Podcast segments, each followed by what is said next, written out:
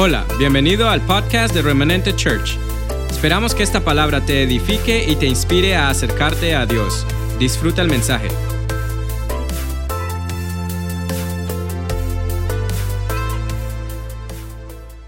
Vamos a la palabra. Yo he titulado esta palabra de parte del Señor, suelta tu faraón. Iglesia, es necesario que creamos que creamos. Hay tres relaciones importantes, definitivas, en tu vida y en la mía. Son tres relaciones en las cuales usted tiene, tiene que, tiene que dedicar su vida. No es la relación con su papá y su mamá, porque ellos mueren y se van. No es la relación con tu pareja, porque las parejas también se van. La esposa del pastor Carlos Peñalosa ahora se queda sola con la congregación. No son tus hijos porque tus hijos tienen que irse de casa, tienen que irse de tu lado. Si, si, en el camino cuando ya se fueron y tienen una necesidad pueden contar contigo, pero tú no puedes estar contando con tus hijos cuando ya tus hijos se fueron. La honra proviene de ellos, la búsqueda no depende del que merece la honra. La honra se da, la honra no se reclama. Los hijos tienen que irse de casa.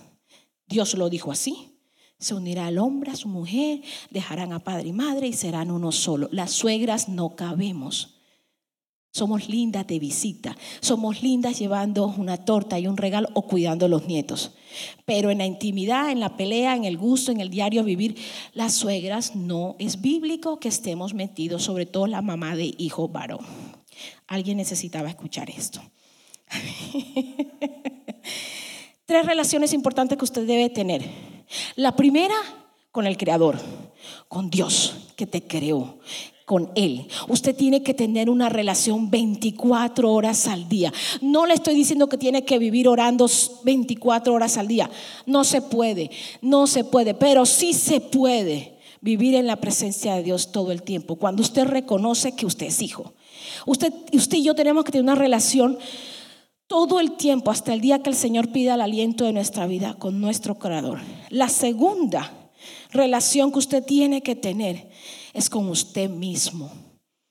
Muchas veces, iglesia, crecimos, nos casamos, tuvimos hijos, cambiamos de empleo, montamos negocios, nos salieron canas en la cabeza y todavía no tenemos una relación con nosotros mismos. Vivimos para complacer a otros, para servir a otros, para encajar en otros. Hacemos carreras profesionales por decisión de otros, pero usted y yo necesitamos tener una relación con el Creador, con lo creado con la bendita palabra. Es la tercera relación más importante en su vida. ¿Por qué? Porque la palabra es el manual que el Creador usó para crearte a ti.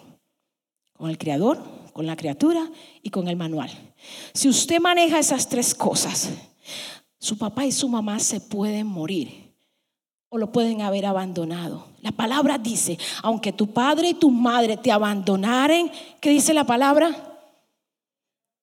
Con todo y eso Dios te recogerá. Aunque tu esposo se fuere o se muriere, Isaías 54 que dice, yo soy tu marido, yo soy quien cuido de ti. No hay nada más real en tu vida y en mi vida que nacimos para Dios y moriremos para el Señor. Por eso es necesario predicar la salvación, no para cuando nos morimos, sino para mientras estamos vivos. Mientras usted está vivo, usted tiene que ser consciente de que es salvo y que la salvación es mientras usted esté aquí viva. Cuando se muera ya usted le pertenece a Cristo. El aliento de vida le pertenece al Señor. Ayer el Señor hizo eso. Carlos, ven a mí. Su cuerpo se quedó, pero el aliento de vida de ese hombre que sirvió está con Dios. Su cuerpo está dormido hasta la, resurrección de los muertos. Y aquí voy a, a tumbar un faraón o a que soltemos un faraón. Tu familiar que se murió no te está cuidando desde el cielo. No está intercediendo delante de Dios desde el cielo. Su aliento le perteneció a Dios, Él le pertenece a Dios y su cuerpo está descansando hasta la resurrección de los muertos. La palabra dice, nada tienen que ver los muertos con los vivos. Nada, nada. Vamos a la palabra. Yo quiero que usted me acompañe a Éxodo 6, 1, 6. ¿Cómo se llama la, la enseñanza? suelta tu faraón. Y yo, como hoy no he tomado café, hice mal, saludé mal en el en vivo, me cogieron pillada, medio arreglada y ahora me subí sin mis lentes. ¿Me ayudas, por favor? Pero bueno, me voy a tomar un cafecito. Esto es otro nivel, tomar cafecito para predicar. Perdón.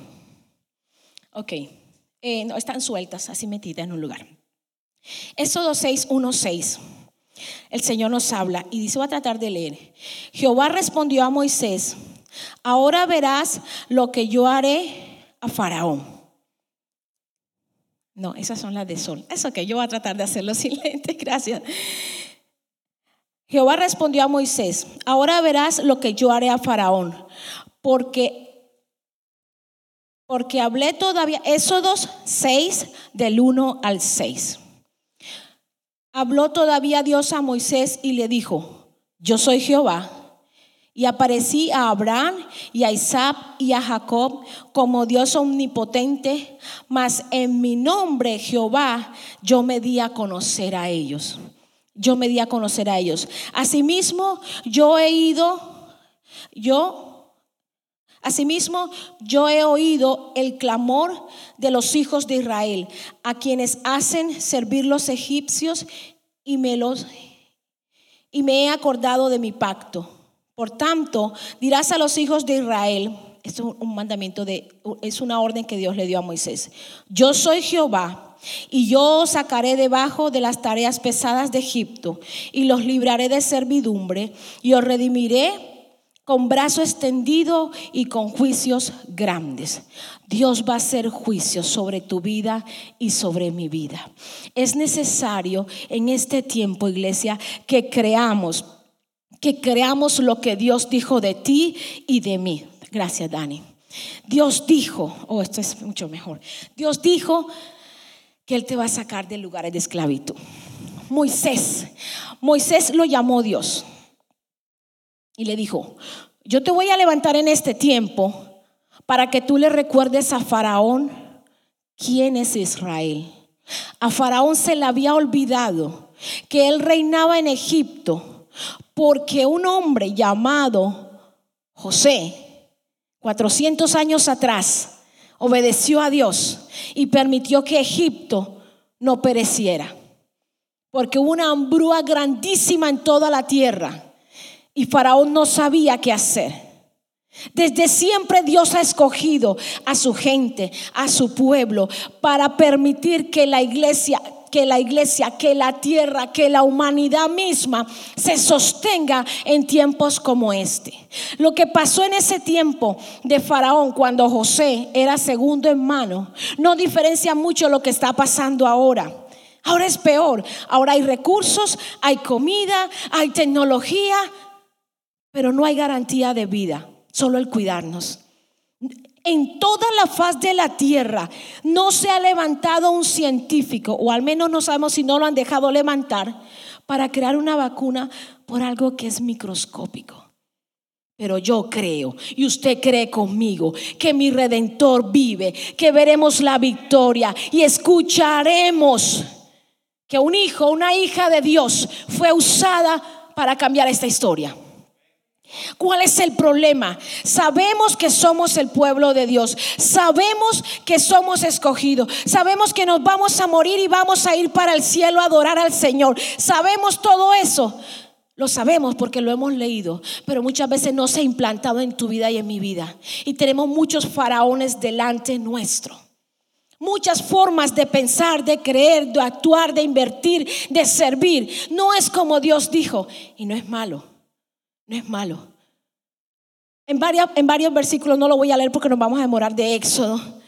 Ya lo saca el Señor. Es más, Dios le dice a Abraham, a ti te voy a dar por rey al Dios de Faraón. Y Aarón le dice, y yo te voy a dar a ti por profeta. Pero más adelante, en el, en el Éxodo 13, dice que ya lo sacó Dios, el 13 o el 16, lo saca Dios al pueblo. Están ya camino a la tierra prometida. Moisés está, se estaba demorando según lo que el pueblo creía y según lo que usted y yo creemos. Muchas veces Dios está demorando. Porque no pasa cuando quiero, porque no pasa como quiero, o porque me encontré con un no de Dios. Los no de Dios nos salvan muchas veces. Los no de Dios son para preservar el propósito que tiene contigo y conmigo. Contigo y conmigo. Las puertas que se cierran y tú sabes que todo estaba bien, pero es que ya estaba todo listo y no pasó. Es Dios diciendo, por ahí no es, por ahí no es, es por donde yo digo. Y estos hombres dicen, este Moisés se fue para allá a encontrarse con Dios, se demoró, mejor estábamos con Faraón comiendo frijoles o frijoles, o como decía mi niño chiquito, pepitas, semillitas, porque cuando en Colombia se dice frijoles, así es, frijoles. Y acá aprendimos que dicen frijoles. Entonces ellos para no enredarse, y en inglés le dicen beans. Entonces ellos para no enredarnos la vida decían, no queremos pepitas. A los niños no les gustan casi las pepitas. Bueno, mejor nos hubieras dejado allá, esclavos, pero con comida. O hay mucha gente que quiere seguir esclavo de un patrón de pensamiento, de un patrón de una relación, de un patrón de cómo hacer iglesia, pero que haya, que haya comida, que haya lo que a mí me satisface. Pero hay formas y hay momentos en que Dios nos cambia todo, nos cambia la perspectiva. Y Aarón, Aarón sabía quién era. Aarón había visto todo lo que había pasado con las diez plagas. Aarón había visto abrirse el mar, tragarse a quienes les estaban peleando, a Faraón, a todo el mundo. Mas sin embargo, dice, bueno, sí, demen todos los aretes, todo, todo lo que tengan, el oro que hayan traído y construyó un becerro permitió, conociendo la verdad de Dios, muchos hombres y mujeres permitimos cosas que no van con lo que Dios dijo. Tienen apariencia de bien, pero no tienen la voluntad de Dios. Y construyeron el becerro con el patrocinio y el padrino de Aarón. Y esta noche, dijo él, como para arreglar la cosa, usted lo puede leer en eso, esta noche vamos a adorar a Jehová. Jehová no estaba en el burro, Jehová no estaba en la necesidad de que lo idolatraran, pero, pero Israel necesitaba adorar algo. Necesitaba un Dios porque Israel no conocía otra forma de vivir si no era con la idolatría.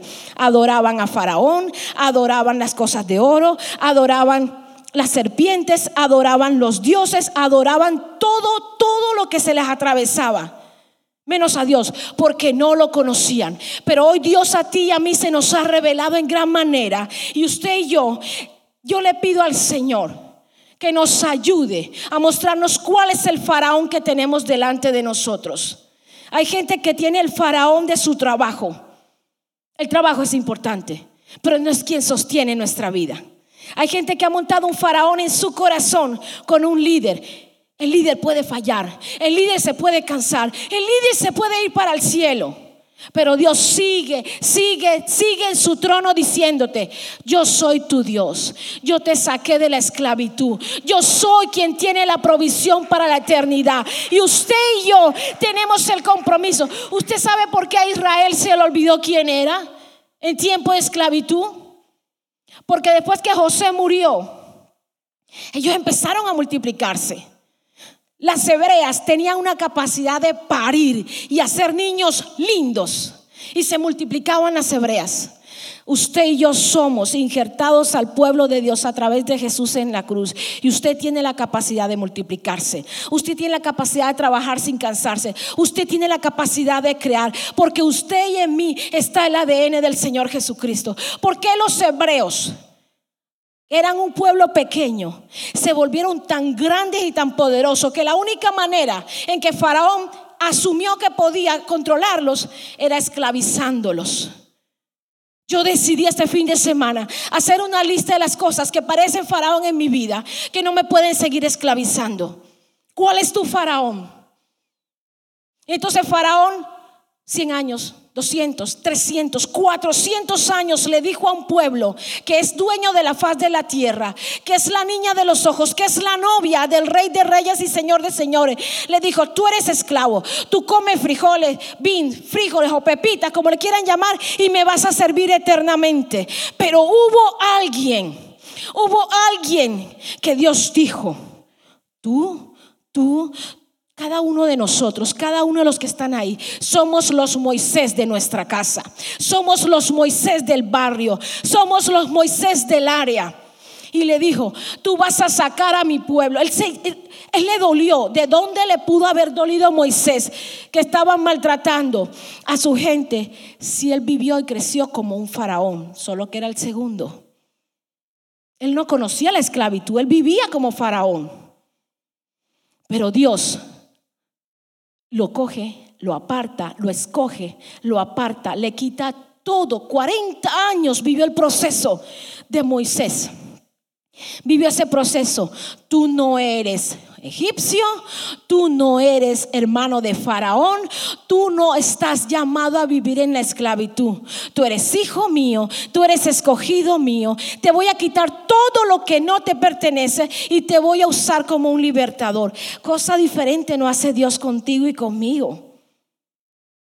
¿A cuántos de nosotros Dios nos, sacó de, de nuestra tierra? 21 años atrás, cumplí el viernes 21 años de haber llegado a Estados Unidos. Nunca planeé venirme para acá, nunca me gustó la idea de venirme para acá, pero Dios dijo, yo la voy a sacar de donde usted nació, donde usted conoce y donde en el matrimonio usted es la jefa. Donde usted es la que habla por él, porque él vivió mucho tiempo aquí y no tiene idea cómo se maneja allá en Colombia. Y entonces te voy a traer, te voy a procesar y inmediatamente aterrizamos en Miami. Yo dejé de ser la jefa. Yo era la jefa en Colombia. Yo hablaba, yo era la que manejaba moto, carro, dinero, conocía al zapatero, el del banco, yo viajaba, yo sabía todo y Juanca, amén hermana, amén hermana. Pero dijo Dios, ese no es el orden. Inmediatamente aterricé en Miami, a dos horas de donde estoy, dejé de ser la jefa, porque yo no hablaba inglés. Juan Carlos había estudiado aquí, entonces él sí hablaba inglés. Entonces él fue el que pasó a migración. Yo aquí no pude manejar porque el primer año no tuve licencia, entonces yo era, él era el que manejaba. Y empezó Dios a poner orden en nuestro matrimonio. Si Dios te mueve de un lugar, tenlo por seguro que tiene propósito. La diferencia es cuando usted y yo somos los que nos movemos. Nos movemos sin la autorización de Dios por el deseo de nuestro corazón. Usted y yo manejamos, ese es un faraón poderosísimo, las emociones y los deseos. Póngase la mano en la cabeza así junto conmigo. Así. Yo declaro en el nombre de Jesús que mis emociones están sujetas a Dios y no a mi voluntad. Amén. Mire, entre este espacio y este espacio hay millones de conexiones que se activan por las emociones. Se activan por las emociones. Haga la prueba. Coloque una canción que le recuerde un romance que se acabó o la canción que escuchaba la abuela o la mami que se murió y se empiezan a activar cosas. Si no, usted, no quiere, en, Colombia, yo no sé en su país, pero uno cuando no quiere hacer oficio o tiene pereza, uno pone música a todo volumen y eso se activa todo y empieza uno a moverse por toda la casa.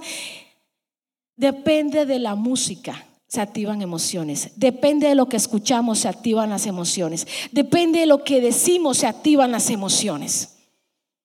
Hay dos cosas, o nos quedábamos acostados porque está haciendo frío y está lloviendo, o nos veníamos para la iglesia los que llamaron a avisar con su tapaboca. Mire, les cuento los que están conectados. Aquí toda esta gente está sentada, tenemos un grupo grande. Dios les bendiga. Están sentados con la distancia que requiere y, y los que están en familia pueden mantenerse sin la mascarilla mientras estén sentados. Eso es obediencia, eso es orden. Pero cuando usted y yo, las emociones nos manejan, ¿cuántos? ¿Cuántos hoy quisimos quedarnos en casa? Yo no tenía esa opción, yo era la que iba a predicar. Yo no podía, yo tenía que venir, porque Juanca no vino, entonces tenía que venir. Pero las emociones nos mueven y muchas veces las emociones son nuestro faraón. Son nuestro faraón. Esto es un mensaje que yo le voy a dar a las mamás que tienen hijo varón. Madre que me estás escuchando y tienes hijo varón. O puedes estar creando un rey para bendecir a una mujer y crear niños con futuro, o puedes estar criando un hombre que va a ser la desgracia de una mujer y de esos niños. Los reyes en casa se crían para que sirvan en la, cuando se casen y tengan hijos. Los reyes que Dios te dio como hijos varones no se forman para ser el rey que es atendido como rey y nada más. Los hijos varones son reyes que Dios nos ha dado para crear un hogar que se vayan de nuestro lado y formen hijos y hijas que sepan que Dios es Dios sobre todas las cosas, pero que hubo una madre y hubo un padre que formó un hombre íntegro. ¿Estás formando un hijo para ser de bendición a una mujer o ser la pesadilla más grande para una mujer? Es que el hijo varón, las hermanas le ponen la comida en la mesa. El hijo varón le toca la presa de carne más grande porque es varón y hay que formarle músculos. El hijo varón le damos la herencia, la mayor porción porque él es hombre, él es macho y al macho hay que heredarlo. No. Científicamente la genética la paren las mujeres. Búsquelo. Es que el hijo varón es mi favorito porque él va a llevar mi apellido. en América, en América no, a veces el hijo, el hijo varón transversa el apellido, pero después nace la nieta y ya a la nieta le cambian el apellido. No hay tal cosa. Cría hijos varones como reyes para que hagan hijos que sean reyes. Por eso a Israel 400 años después se le olvidó quién era. Porque las hebreas parían hombres fuertes para que fueran esclavos y tuvieran frijoles, frijoles, pepitas o beans. Si el hijo trabaja, hay comida. Si el marido trabaja, hay comida. Las mujeres hebreas se quedaban en casa cocinando. No estoy en contra de quedarme en casa. Pero la mujer, oh, esto es un mensaje para las, las, mujeres solteras que están esperando el príncipe. Usted sabe por qué su príncipe no ha llegado. Tal vez porque usted ha pedido, lo quiero así, lo quiero así, lo quiero así, lo quiero así. Y te dice el Señor, así no hay. Así no hay. Ay, como yo dije, ay, como yo quiero. Señor, dame un hombre imperfecto, porque yo de rodillas puedo clamar a ti y hacer de ese hombre lo que su mami no pudo. Pero si tú lo apruebas, yo me atrevo. Yo tengo las faldas, los pantalones puestos para transformarle la vida al hombre que tú me des. Pero es que nos pasamos la vida pidiendo a Brad Pitt y Brad Pitt es bien imperfecto. Rompemos el parámetro de lo que Dios dijo. Dios, la voluntad de Dios buena, es agradable y es perfecta. No es como usted y yo la queremos. Por eso Dios a veces dice que no hizo, no sabemos. Tenemos parámetros de vida. Mire, voy a contar una anécdota que viví hace muchos años. Y ayer a las 6 de la 5 de la tarde la volví a vivir. Y dije, por aquí es. Gracias Señor por confirmarme. Venimos acostumbrados y este país nos ayuda a romper esto, pero yo sé que los que están en nuestros países saben de lo que yo voy a hablar. En Colombia se llama corbata, la palanca, la manga, el amigo que trabaja ahí, el médico que trabaja allí. Son todas las relaciones. Yo conozco a alguien que hace esto y no hagamos la fila. Espérate, yo conozco y se pone uno allá primero y todo el que está en la fila se queda de último y se queda. No es que yo soy amiga del gerente y entro al banco. Y los que estaban haciendo la línea, que esperen porque es que yo soy amiga del gerente. Entonces, este país nos transforma ese pensamiento. Nos transforma muchas cosas. Por aquí vale 100, pero si te das la vuelta y nadie te ve, lo consigues en 50. 25 para ti, 25 para mí, y el que lo mandó a comprar le decimos que costó 100. Eso es faraónico. Eso no es de Dios. Las, los, los, ¿cómo se dice? Los caminos, los atajos no te llevan a la, no me llevan a la voluntad de Dios. Venía manejando y yo sé que muchos del área, veníamos manejando de la playa Rehoboth, 5 de la tarde, y había una carreta llena de girasoles y de flores silvestres. Y yo me detuve a comprar. Estaba todo, todo servido, todo lindo, pero no había nadie. No había nadie atendiendo el negocio, pero el negocio estaba abierto. Y me bajo y empiezo a mirar y encontré un aviso que decía, si usted necesita flores, agárrelas, En la caja hay efectivo. Si usted necesita que le demos de cambio, abra la caja, ponga el dinero y escoja su cambio. Hágalo por su honor. Oh, yes. It's because my honor. Es por mi honor. Es por tu honor que usted y yo tenemos que hacer lo correcto cuando nadie nos ve. Se fue Moisés a recibir de Dios. Aarón no tenía quien lo viera y había una multitud dando guerra. ¿Sabe qué? Haga lo que le dé la gana. A la final yo soy hermano Moisés. Ustedes, yo no sé, pero no, no es como nos da la gana. Yo no sé en tu país y de pronto los colombianos que están conmigo hacia ahí, Eliana, ¿por qué dices? Pero usted deja una cajita con dinero en efectivo abierto en una esquina en soledad y dice, coja las flores que usted quiera. Si usted necesita vuelto, usted se lleva las flores más lindas, usted se lleva la caja, se lleva el vuelto y no pagó nada. ¿Sí o no? No, aquí nadie dice amén. Si usted deja una silla en la puerta de la casa y no le pone candado, no encuentra la silla y se llevan el candado que dejó abierto. Eso pasa allá en Soledad, donde yo vengo. Yo no sé, de donde usted viene no pasa eso. Y empieza este país a enseñarte honor. Hay cosas que usted y yo tenemos que hacer por honor, donde nadie te ve. Como dice el, suegro de mi hijo. ¿Sabe que yo me enamoré primero del suegro que de la nuera? Cuando yo iba a predicar al pastor Alberto, que es el abuelo de mis nietos, estaba yo sentada ahí muchos años atrás. Y yo le dije a Pastor Wilmer, yo quiero que ese señor sea el abuelo de mis nietos. Hoy es el abuelo de mis nietos. Pastor Alberto dice, abro paréntesis, el honor de diezmar es casi vivir en gloria. El honor de diezmar te abre unas puertas que aún no las tienes aquí. Aún no las tienes aquí. Queremos abrir un, negocio aquí en Gainesville, en Haymarket, está todo parado porque los permisos no los dan, porque, porque somos nuevos en el área. Entra una llamada y nos dicen, ¿cómo va el negocio? Nada, tengo frenado porque no, no me atienden, está todo lento por el coronavirus. Déjame, yo llamo a un amigo. Ese amigo llamó al otro amigo y de repente entra una llamada y dice, uh, Jay-Z, yo soy amigo del amigo del amigo. Pero como tú eres especial del amigo del amigo, desde ahora tú también eres especial para mí y esta semana te salen los permisos. Ese es nuestro Dios. No supimos quién es el amigo del amigo del amigo, pero ahí están haciéndonos los permisos para poder arrancar el nuevo negocio. ¿Qué es eso? Es el diezmo.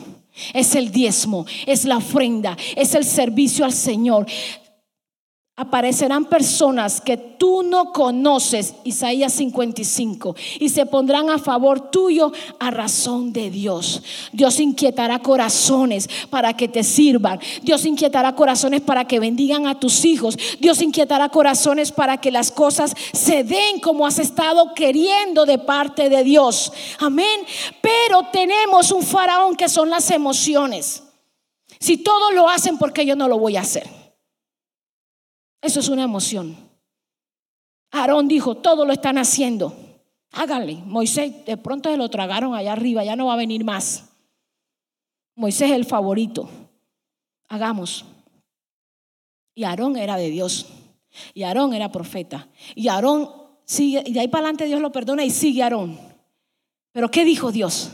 ¿Qué dijo Dios de ti y de mí para este tiempo? Nos hemos hecho esa pregunta. ¿Qué dijo Dios de mí y para mí en el 2020. ¿Qué dijo Dios para ti? No puede ser que usted y yo estemos vivos en medio de una pandemia, estemos sirviendo en medio de una pandemia y nosotros dentro de cinco años nos acordemos del 2020 como nos acordamos de 1999. Bueno, aquí hay muchos que no habían nacido en ese año. Ya como que me están cayendo los años. Cuando uno dice muchos no han nacido en el 99, ya es fuerte. Pero que Dios te hable, que Dios me hable. Y si hay alguna cosa que quede remarcada para ti, para mí en el 2020, es que Faraón no me gobernó más. Hay, hay momentos en que usted y yo nos tenemos que cansar de la esclavitud. ¿De qué soy esclava? ¿De mis emociones? Pida ayuda, pida ayuda. El lunes pasado me cayó una tristeza extraña, raro. No sabía ni qué me pasaba y me hacía preguntas y me daba rabia. Y me fui corriendo para donde Jenny, donde Beatriz. Allá me dieron un, té con de todo lo que usted se imagine y me puse contenta. ¿Pero qué fue? Busqué ayuda, busqué compañía, busqué con quién estar. ¿Cambiaron las cosas? No, siguen las mismas situaciones que todo ser humano puede tener. Yo decidí moverme y eso lo he aprendido con los años, porque ese lunes se me pudo haber convertido en semanas, donde usted no sabe nada de mí, yo no quiero saber nada de usted. Pregúntele a Juan Carlos. Timbra el teléfono. Yo no soy así, pero timbra ese teléfono no quiero contestar. Son señales de depresión. Son señales de lucha del alma, de las emociones. Pero Dios te dice en esta mañana, y vámonos rapidito, para Efesios, o ahora sí es diferente con lentes, usted no tiene ni idea, usted me vio luchando con eso. Efesios 4:22. En cuanto a la pasada manera de vivir, Despójense del viejo hombre que está acostumbrado y viciado conforme a los deseos engañosos. Y renovaos en el espíritu de vuestra mente. ¿La mente tiene espíritu? La Biblia dice que sí y vestíos del nuevo hombre, creado según Dios en la justicia, en santidad de la verdad, por cual desechando la mentira. ¿Qué mentira te dijo el mundo? ¿Qué mentira te dijo tu papá, tu mamá? ¿Qué mentira te dijo el presidente de tu país por el cual te tocó venirte? ¿Qué mentira te dijo tu esposo que ya no es tu esposo, tu esposa que ya no es tu esposa y decidiste yo no vuelvo a creer? En el matrimonio. ¿Qué mentira te dijo un jefe? Usted no sirve para nada. Por mucho tiempo me dijeron, usted sirve para tres cosas. Oh, para tres, se me sale así como el para tres, para tres. Usted, no, usted sirve para nada, para nada y para nada. ¿De verdad? Una niña de 11, de 10, de 9 años le digan eso, usted sirve para tres, para nada, para nada y para nada. Se queda uno así como que, no puede ser. A mí me gusta cantar, a mí me gusta bailar, a mí me gusta correr, yo soy la mejor de mi escuela, a mí me gusta ponerme aretes grandes y tacones de mis tías. ¿Cómo así que yo no sirvo para nada? Crecí creyendo en muchas áreas que yo no servía para nada. Pero vino el Padre, el Hijo y el Espíritu Santo y me sanó y me quitó ese faraón y me permite estar hoy delante de ti y decirte, no importa qué te hicieron, no importa en la esclavitud que te encuentres hoy, no importa en lo que te puedan llegar a hacer. Yo soy tu libertador.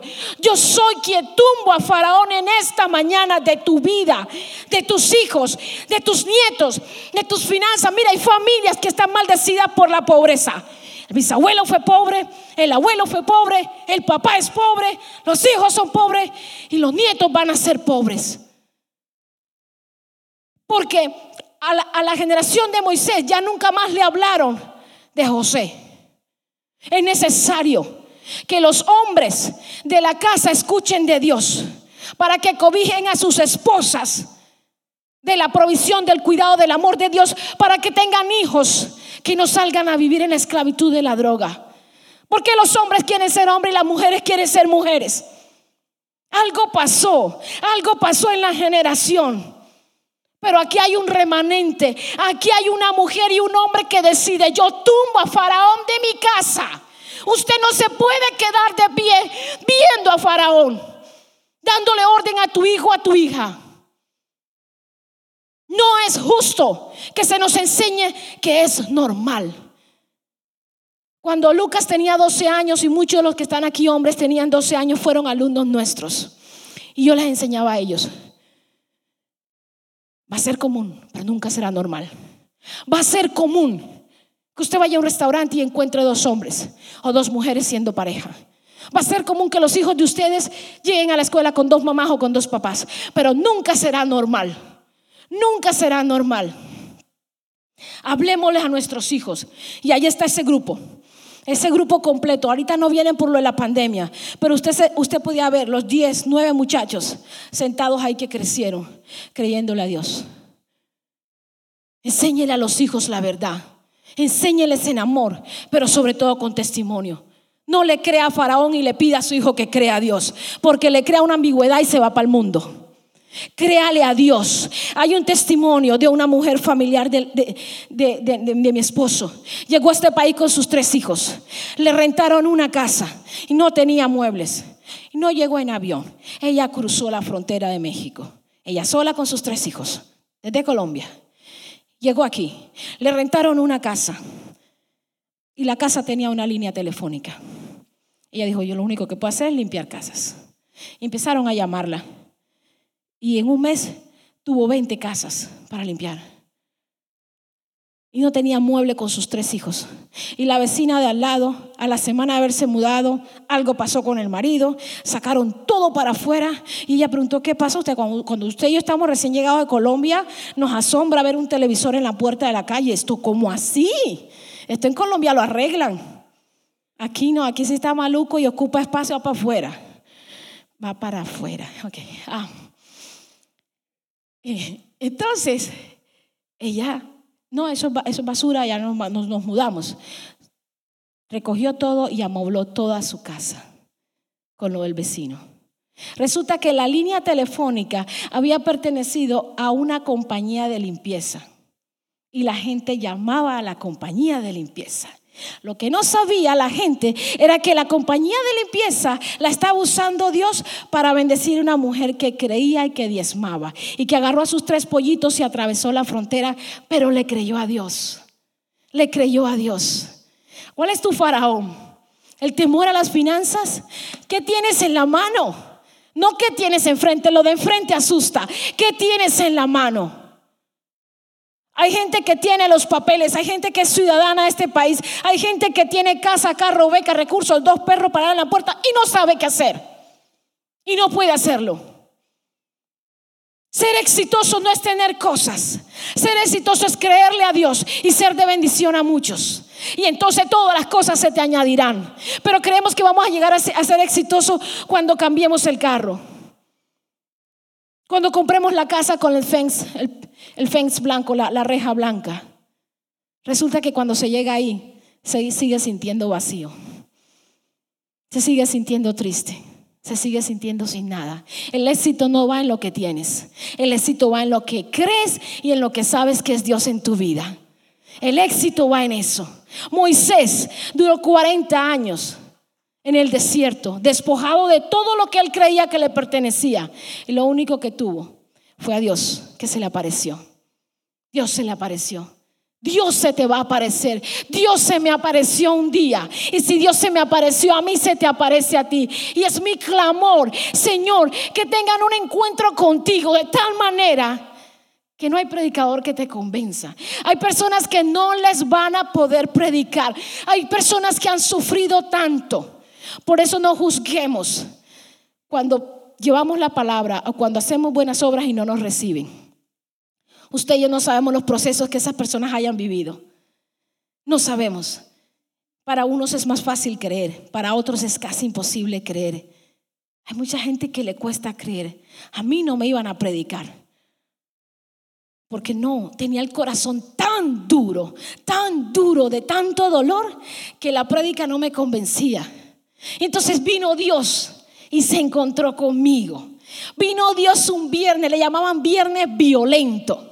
Eso era violento. Todo el que llegaba endemoniado caía en el piso, se revolcaba y era libre, sin que le pusieran la mano. Eso era bien violento.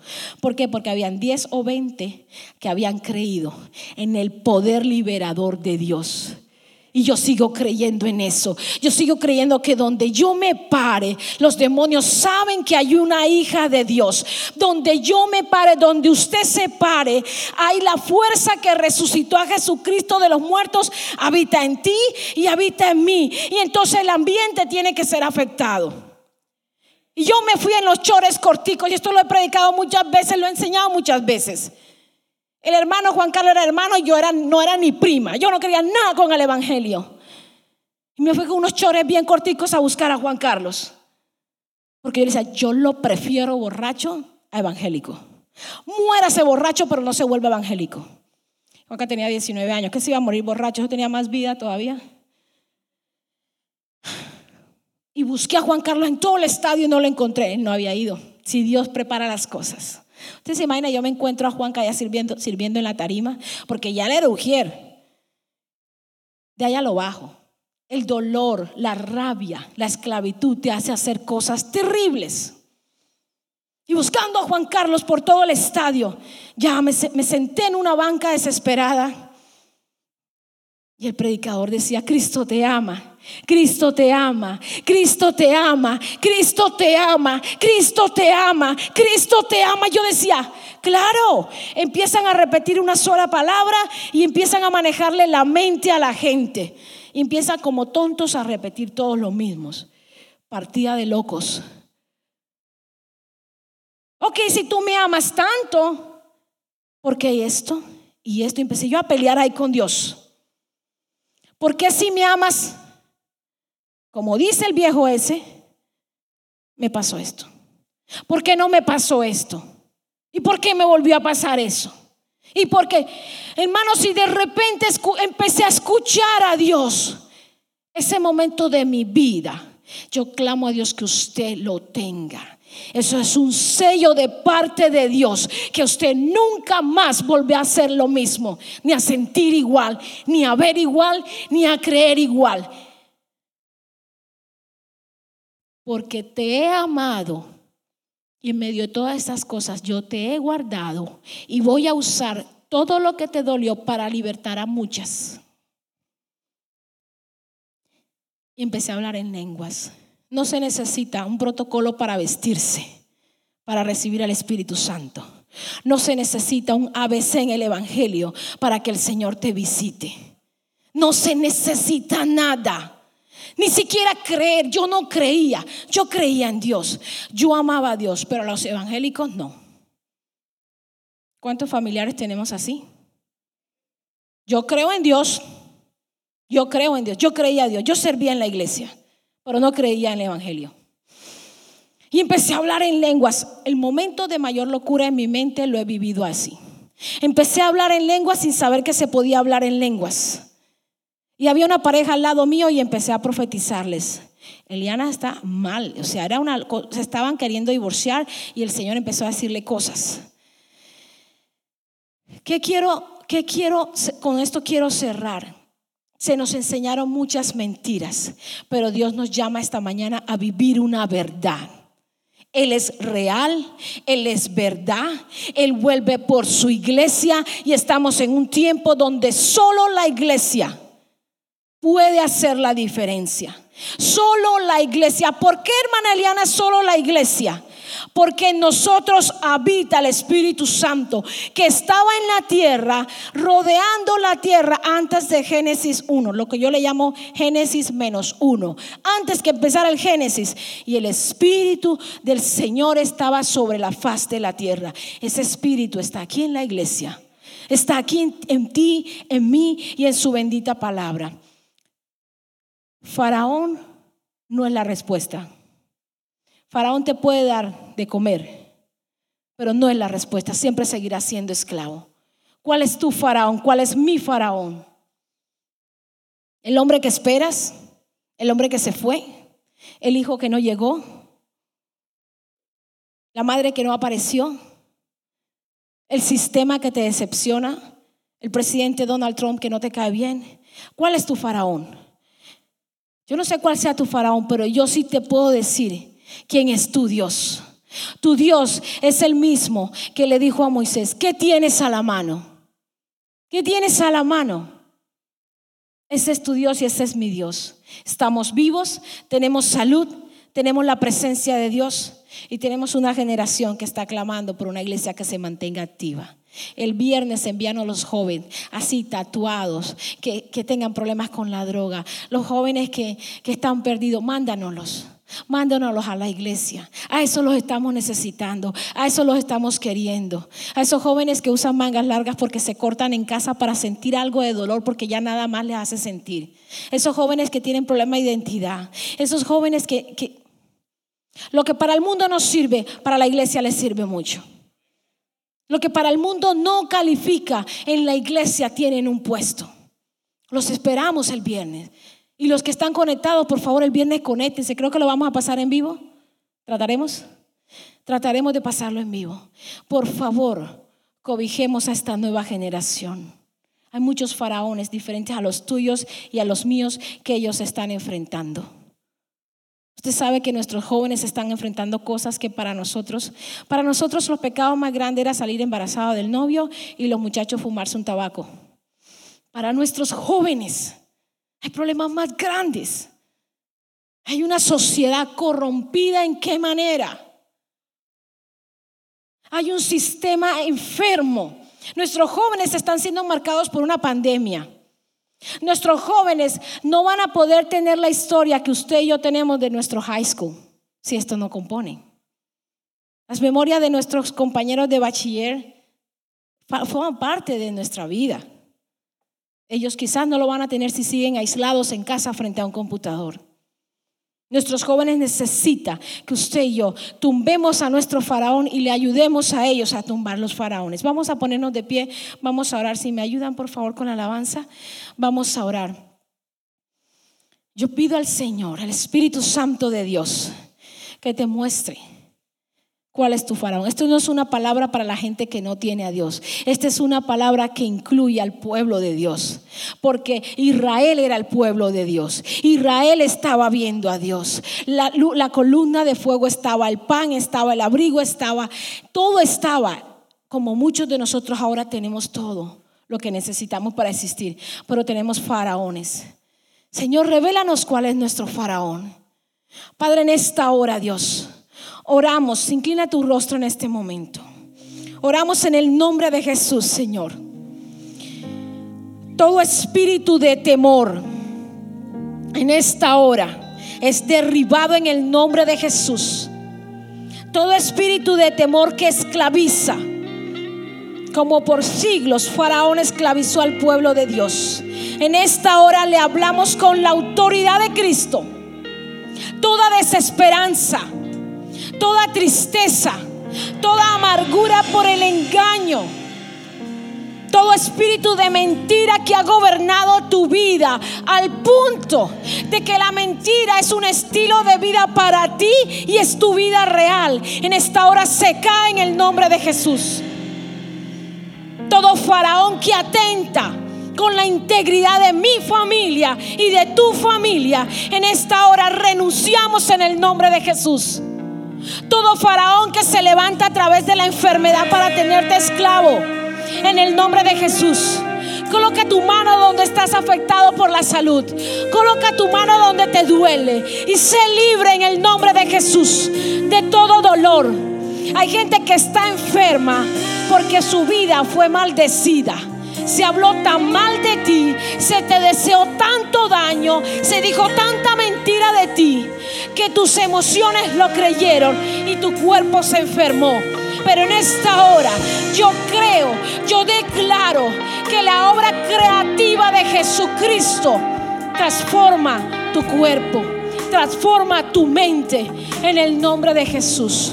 Todo aquel que no creía, hoy empieza a creer Cree por tu negocio. Cree por tu salud. Cree que puedas imponer en manos sobre los enfermos y se sanen. Cree en esa casa que quieres comprar. ¿Qué tienes a la mano? Ve a Dios y Dios lo hará. Cree, cree que Dios te tiene en un lugar para bendición. Créelo en el nombre de Jesús.